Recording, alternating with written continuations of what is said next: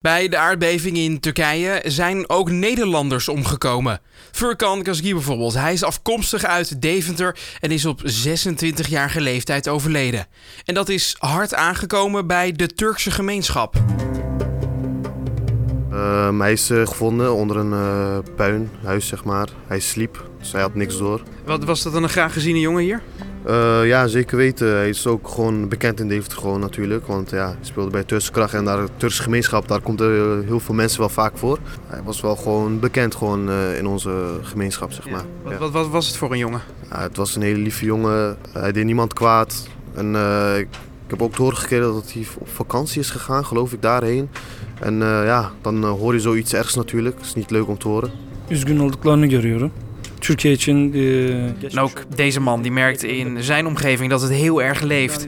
Het verlies van de voetballer uit Deventer raakt hem en hij vindt het vooral heel erg voor de familie van de jongen. Hij zegt wel dat Furkan Gazgi vredig kan rusten. Başımız sağ olsun, Allah rahmet eylesin.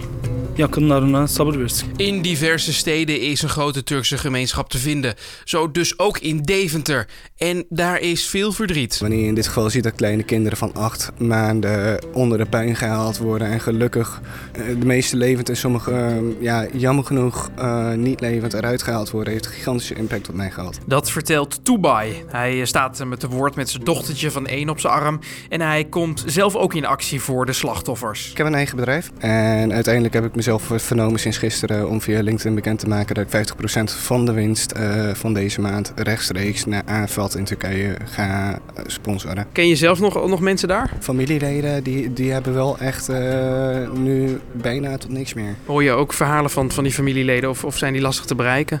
Ze zijn zeker lastig te bereiken, want alles wat, wat ze hebben, hebben ze in huis gelaten. En alles ligt onder puin. Maar ze zijn er allemaal nog wel dus? Gelukkig wel.